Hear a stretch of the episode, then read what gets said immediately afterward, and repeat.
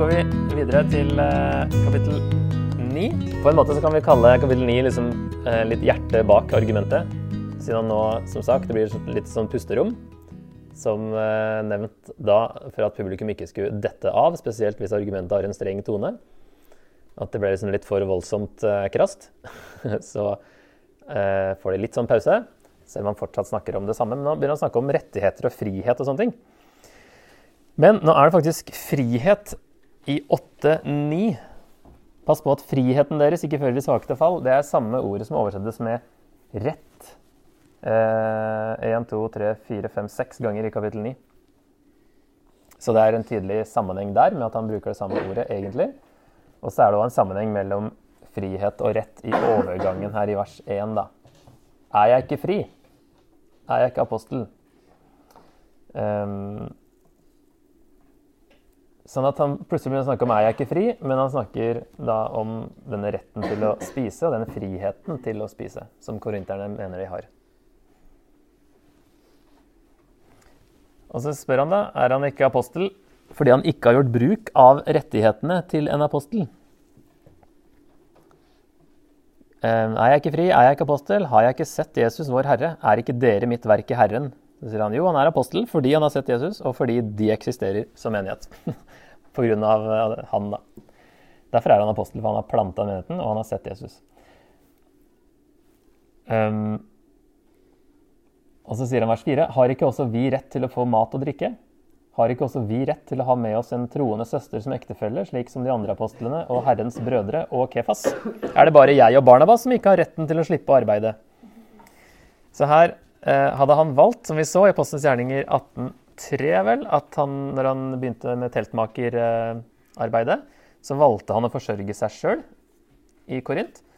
Og gjorde ikke bruk av den retten som Jesus egentlig hadde gitt eh, alle, i f.eks. Uh, Matteus 10,10, som han kommer tilbake til litt senere. Men uh, en arbeider er verd sin føde, står det der. Det vil si at han uh, skal få bli forsørget av de han jobber blant. Og Lukas 10,7 der står det for en arbeider er verdt sin lønn. Så liksom både mat og lønn der, da. At man eh, fikk nok ikke så mye penger, men at han skulle få det man trengte da, til livets opphold. Mens Paulus har valgt å ikke gjøre det når han kom til Korint. Og så ser vi at apostlene tok ofte med seg kona på misjonsreise. Men siden Paulus ikke var gift, og sikkert Barnabas også da, så var det ingen kone med, og tenkte de da at han ikke var en ekte apostel siden han uh, sier dette som han gjør her. Det blir jo enda tydeligere i andre korinterbrev at de beskylder han for ikke å være en ekte apostel. Så, men han har gitt opp noen rettigheter. Det er det kapittelet handler om. Og han vil jo da med det opp, oppmuntre korinterne til å oppgi sin rettighet, som de ser på det som, og spise dette kjøttet. Ok, så hvis vi ser på vers 7-18, så kommer han med mange grunner til at han kunne tatt betalt. Det er f.eks. at en soldat får jo lønn for jobben. En som planter en vinmark, kan spise av frukten. En gjeter kan drikke melken fra dyrene. Så dette er eksempler fra dagliglivet om at det gir mening at han kunne tatt, eller fått i hvert fall, blitt forsørga av eh, korinterne. Og så sier 5. Mosebok 25,4 at en okse skal få spise mens den arbeider. Derfor kunne han òg fått spise mens han arbeida. Blitt, fått, uh, blitt forsørga. Prestene i tempelet lever ved tempelets inntekter, sier han. Og de som tjener ved alteret, får sin del av det som ofres. Så der er uh, tre eksempler fra Moseloven. Og så sa jo Jesus til og med at de som forkynner evangeliet, skal leve av evangeliet. Så masse, sju grunner kommer han med. Han vet veldig godt at han kunne gjort det. Får det ganske tydelig fram. At han kunne bruke denne retten. Men han er faktisk så fri at han velger å ikke gjøre det. Så fri er han. Han er ikke tvunget til å gjøre det fordi han er fri. Og så får han nå det Jesus sier, til å høres litt, litt strengere ut enn det Jesus egentlig sa. da. Altså, Herren bestemt at de som forkynner evangeliet, skal leve av evangeliet. Det høres ut som at han går imot Jesu ord. Men Jesus eh, sier det ikke så sterkt. Han sier liksom at den som forkynner Nei, den, en arbeider er sin lønn verdt, og en arbeider er sin føde verdt. Han sier jo bare at dere har rett til opphold og mat når dere reiser rundt. Mens Paulus eh, får det til å høres som han nesten er ulydig. Så Paulus tenkte mer på hva som var det beste for misjonen, og utdyper med dette prinsippet i 8.13. At han aldri vil spise kjøtt i evighet hvis det fører noen til fall. Og her har han valgt å avstå fra retten, for han tenkte det var bedre for misjonen i Korint. For ikke å bli oppfatta som en eh, filosof, eh, og en som du bare kunne betale for å holde en tale om hvilket som helst tema, og som ikke brydde seg om temaet han la fram. Han var bare veldig flink til å tale. Derfor la han bort retorikken. sant? Tok ikke betalt, jobba sjøl. Ville ikke være til byrde for noen. Fordi evangeliet skal være gratis, sier han i vers 18. Nå har vi kommet til det som eh, ofte kalles for Paulus eh, sin misjonsregel, som står i 19 til 23 her, om at han eh,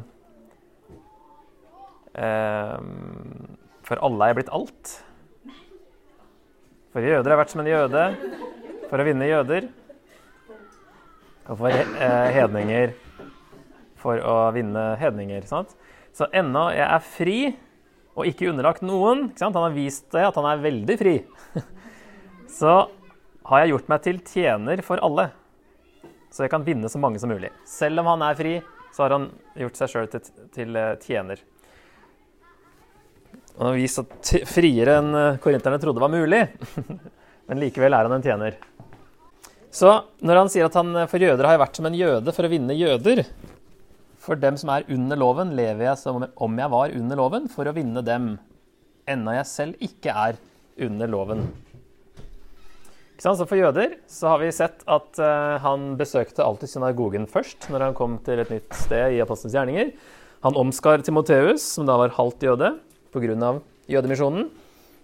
Han avla trolig nazireerløftet når det står at han klippa håret i Ken Kree i kapittel 21. Eller i hvert fall et eller annet løfte som nok sannsynligvis var et jødisk løfte. da. Eh, Han holdt seg unna avgudskjøtt, som de ble enige om på apostelmøtet, når han er blant jøder.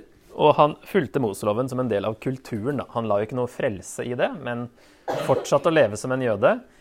Eh, Fordi Moseloven, sabbat eh, og spiseforskrifter og sånt var liksom jødiske eh, identity markers, som det har blitt kalt. Det som skilte dem ut fra resten. Og da, for ikke å lage noe mer problemer, så fulgte han også det. Og når han var med hedninger, så ser vi at han omskar ikke Titus, som var greker. Og han spiste med hedninger, som han også snakka om i Galaterne 2, da, når han kritiserer Peter for å slutte å gjøre det. Så for dem som ikke har noen lov, altså hedningene, lever jeg som, jeg, som om jeg var uten lov, altså uten Moseloven, da, for å vinne dem, enda jeg ikke er uten lov for Gud, men er bundet av Kristi lov. Han må liksom forklare at han lever ikke helt lovløst. Han holder seg til Kristi lov, som han òg nevner i Galaterne 6,2. Eh, som ser ut til å være ca. det samme som kjærlighetens lov i Galaterne 5,14.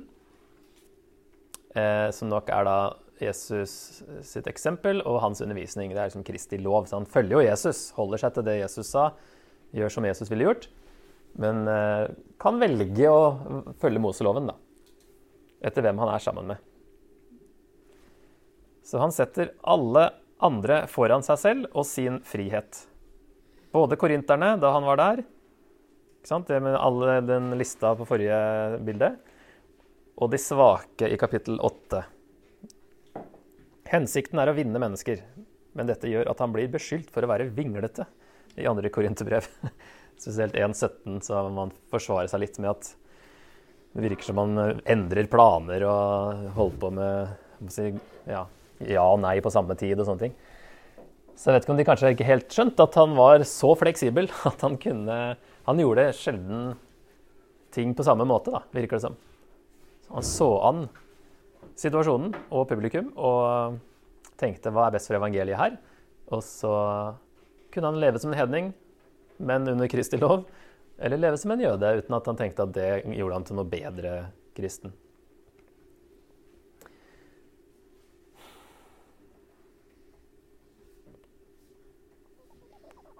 Så her fortsatt så snakker han jo indirekte om at korinterne må gi opp sin, det de ser på da, som sin rett til å spise avgudskjøtt.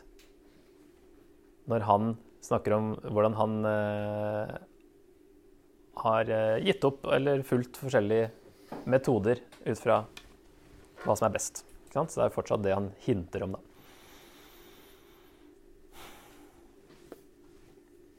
Og så kommer det kanskje et annet kjent avsnitt òg, med løpe og vinne seierskransen, seiersprisen. Kapittel, nei, vers 24 til 27. Um, her er en krans. Det står Istmia inn i midten der. Og det var jo de istmiske lekene ble holdt i Korint annethvert år. Så her er jo et bilde som korinterne kjenner veldig godt til. Seierskransen ble laget av selleri eller furu, som på bildet. Så de hadde jo laurbærkrans i olympiske leker, men her hadde de furukrans, eller sellerikrans. Men her bruker han et bilde som de kjenner godt til. da. Det å eh, En uh, idrettsmanns uh, disiplin for å vinne denne seiersprisen. En seierskrans som visner. Men vi løper for å vinne en som aldri visner. Så han vil få dem til å løfte blikket, fokusere på målet som en idrettsutøver noen rettigheter må oppgis for at målet skal kunne nås. Sånn som en idrettsutøver som må nekte seg alt, står det. I hvert fall ha disiplin og vet at nå må jeg trene, jeg har et mål der, og må avstå fra visse ting for å nå det målet. Så hinter her òg om å oppgi retten til å spise avgudskjøtt med å løfte blikket og se på målet. Og prøve å få med alle til målet. Ikke bare de som er sterke og har kunnskap. Så når idrettsmennene holder ut og gir avkall på så mye for en krans som visner, hvor mye mer bør da ikke de gi avkall på visse ting for å vinne en krans som aldri visner? Og Det er litt sånn typisk sånn rabbinsk argument. Det her er 'hvor mye mer'. Det bruker jo Jesus òg. Eh, I hvert fall indirekte, men det skal han bruke akkurat de ordene. Men eh, det var sånn her, hvis det er sant i dagliglivet, hvor mye mer er ikke da dette sant om Gud? Så det er litt argumentet her, da. Så vi kan prøve en foreløpig oppsummering til. Vi ser i hvert fall at Paulus var veldig fleksibel. Han kan til og med gjøre det annerledes enn Jesus la opp til, hvis det gjør misjonen enklere. Ganske uh, Ja, litt overraskende, kanskje. Og han har brukt et kapittel på å vise hvordan han avsto fra retten til forsørgelse for misjonens skyld, for å oppmuntre korinterne til å avstå fra retten til å spise offerkjøtt, siden det kan føre andre til fall. Så litt sånn indirekte, men det er det han egentlig holder på med.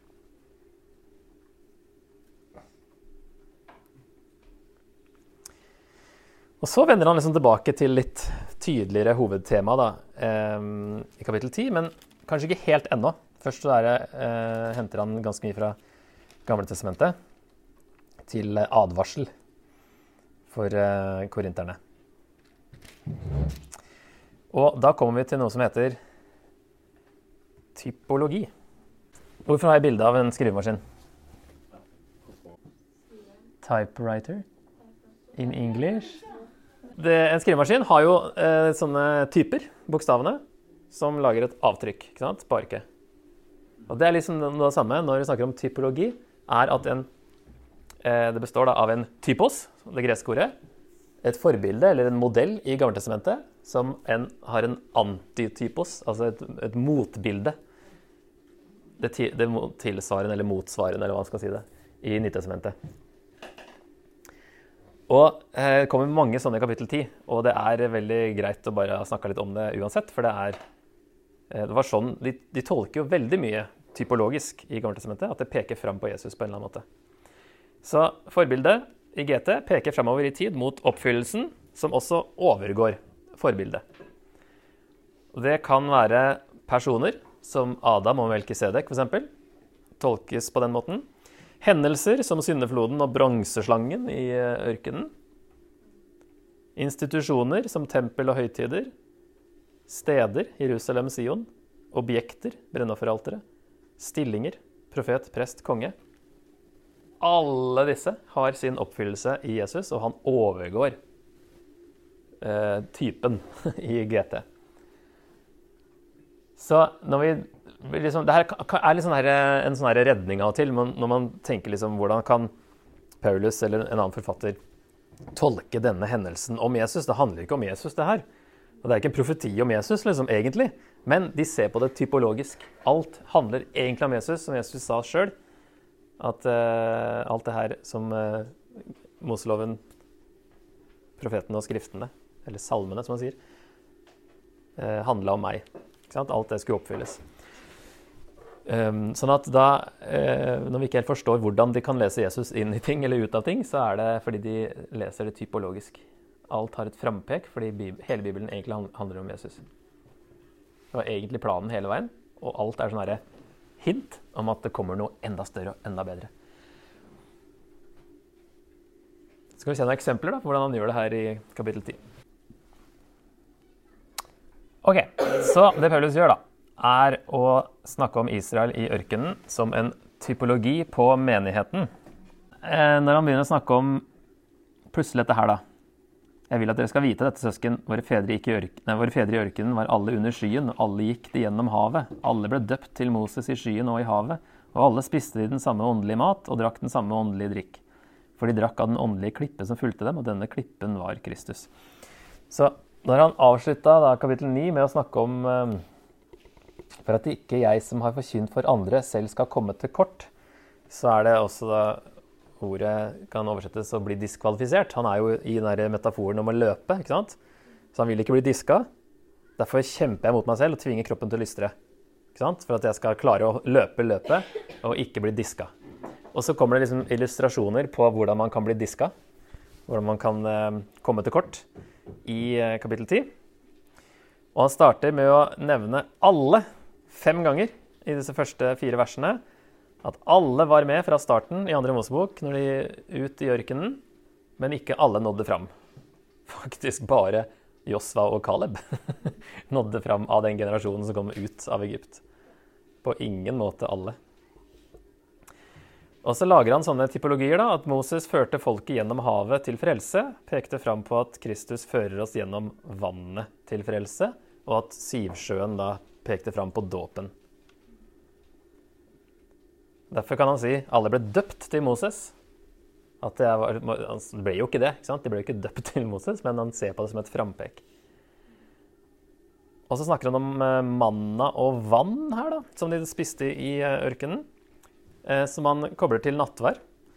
Og da kanskje vann fordi man blanda uansett vinen med vann. Det var veldig vanlig å blande ut vinen. Så Paulus er ikke så opphengt i alle detaljene her, virker det som. At uh, kan greit bruke vann som, en, som et bilde på nattvær. Så først så lager han da parallell med hvordan uh, Israel, denne ørkengenerasjonen, da, uh, peker fram på, på korinterne og på oss.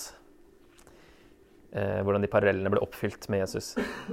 Og Jesus sier jo i Johannes 6, når han snakker om 'jeg er livets brød', så sier han jo at eh, fedrene spiste manna i ørkenen, men de døde. Dere som spiser livets brød, skal aldri dø. Så han lager den koblingen der òg, med manna og seg sjøl.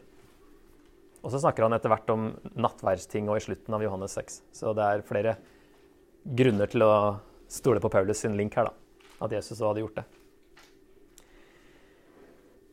Og Så kommer disse advarende eksemplene fra vers 5 til 10, der han sier likevel forkastet Gud de fleste av dem, for de ble slått ned der i ørkenen. Disse hendelsene er advarende eksempler for oss. De skal lære oss ikke å ha lyst til det onde slik de hadde.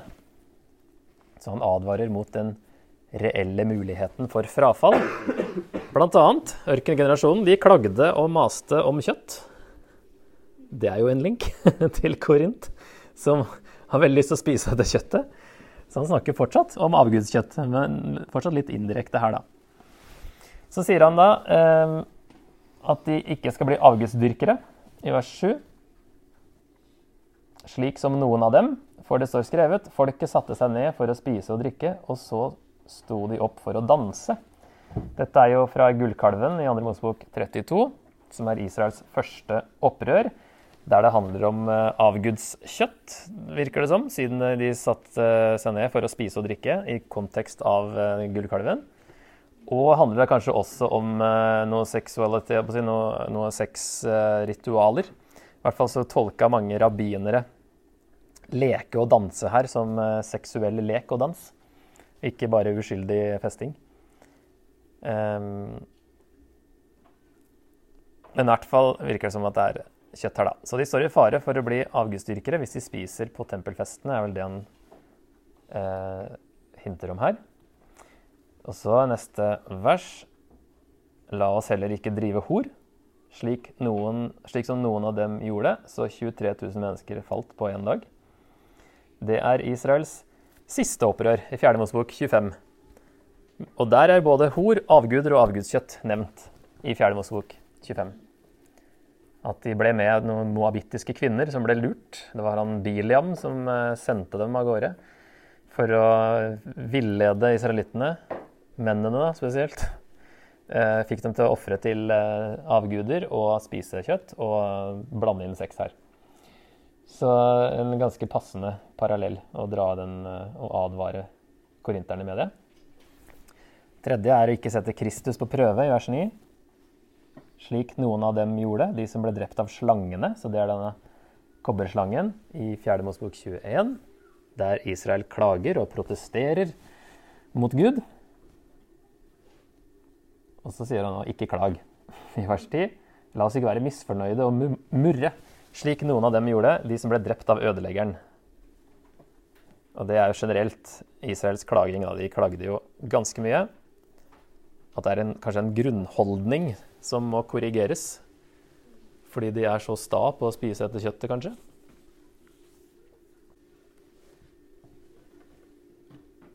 Så han har først liksom lagd linken i de første fire versene med eh, dåp og nattvær. Og så kobler han det her på Dere står litt i samme situasjon. Pass på så ikke dere, det ikke går eh, like dårlig med dere som det gikk med den generasjonen i ørkenen. Ok, Så sier han vers 11.: Det som hendte med dem, skulle være til advarsel. Det ble skrevet til rettledning for oss, og til oss er de siste tider kommet. Så dommen som skjedde, og som ble skrevet ned i GT, betyr at advarselen må tas på alvor av oss som nå lever i oppfyllelsen av alt GT pekte fram mot. Oss eh, som de siste tider er kommet til. Det ble skrevet til rettledning for oss. Han ser på det som nyttig for oss, fordi vi lever i den tida når alt dette, dette pekte fram mot. Når alt ble oppfylt. Så vi må, vi må, vi må passe oss. Og ørkengenerasjonen kom ikke inn i landet pga. avgudsdyrkelse og seksuell umoral, akkurat det samme som korinterne står overfor.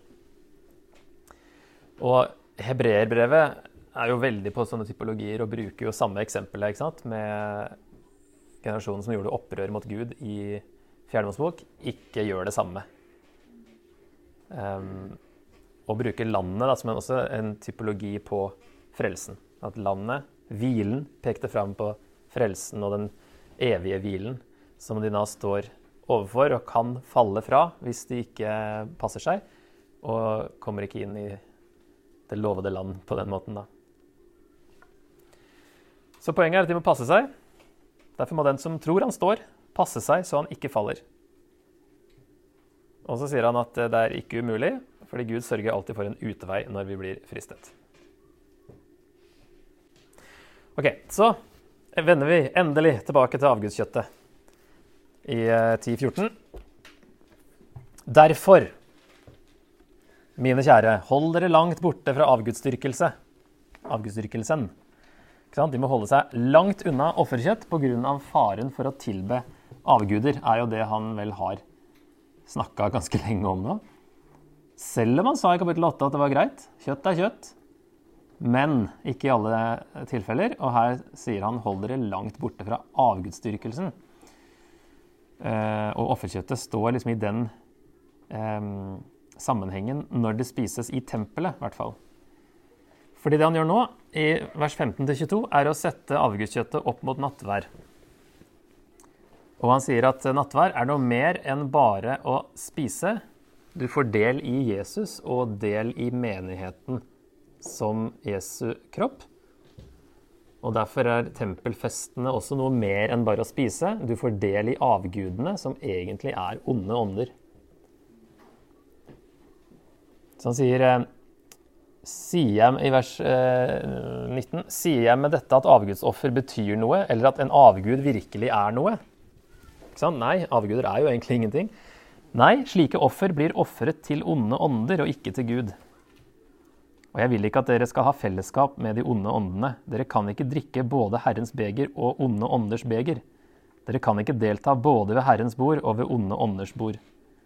Her blir han ganske tydelig på slutten. At det her, det går ikke an å være med på en sånn noe tilsvarende nattvær i et hedensk tempel. Selv om du tenker at avgudene fins ikke, så fins det onde makter som er blanda inn her på en eller annen måte, og som du får del i på samme måte som du får del i Kristus i nattvær.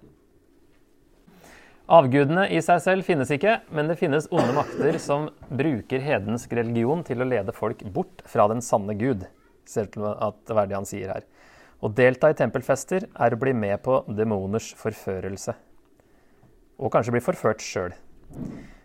Det går ikke an å ha åndelig fellesskap med både onde ånder og Gud. Du kan ikke ta del i nattverden samtidig som de fortsetter å gå til tempelfester. Men her kommer det liksom et ganske sånn tydelig da, argument til slutt, med at uh, det her er alvor. Um, hvis det gjøres i et tempel, så er det onde ånder involvert. Uh, men så kommer han da til liksom, ja, det jeg har kalt for konklusjon, da. Fra 1023 og 11.1 er tatt med her.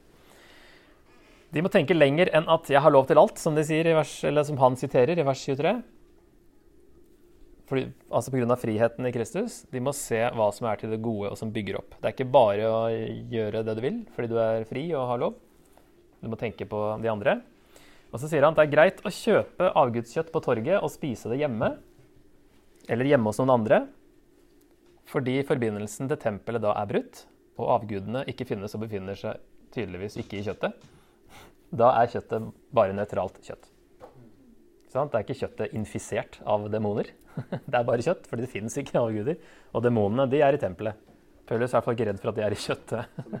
Så, men så sier han hvis noen kommenterer at det her er offerkjøtt, da skal du ikke spise det av hensyn til den som sa det, og for samvittighetens skyld. Jeg mener da, jeg mener da den andres samvittighet, ikke din. Sant? Um, og så kommer det en slags endelig konklusjon i 31 til 33. Gjør alt til Guds ære, la ingen få noe utsette på dere, søk alle andres beste. Og det er liksom litt sånn Det får, liksom, får, det til å høres litt ut som at synd på en måte er relativt. Eller eh, det er ikke synd her, men akkurat det samme er synd der. Så synd, det er ikke alltid en ting er synd. Det å spise kjøtt er jo ikke synd, men det er synd hvis du spiser det i den konteksten. Ikke den konteksten, men den konteksten. Og en som sa Not about the menu, but the venue. Stedet. Det handler ikke om hva du spiser, det handler om hvor du gjør det. Og da virker da det jo, virker jo som det er relativt, men det er fordi du synder mot andre. Og da synder du mot Kristus ved å ikke tenke på andre. Langt, litt komplisert argument, men la oss nå endelig snakke om yoga. Er yoga i kirka greit? Hva kommer det fram til hvis du tenker som Paulus gjør?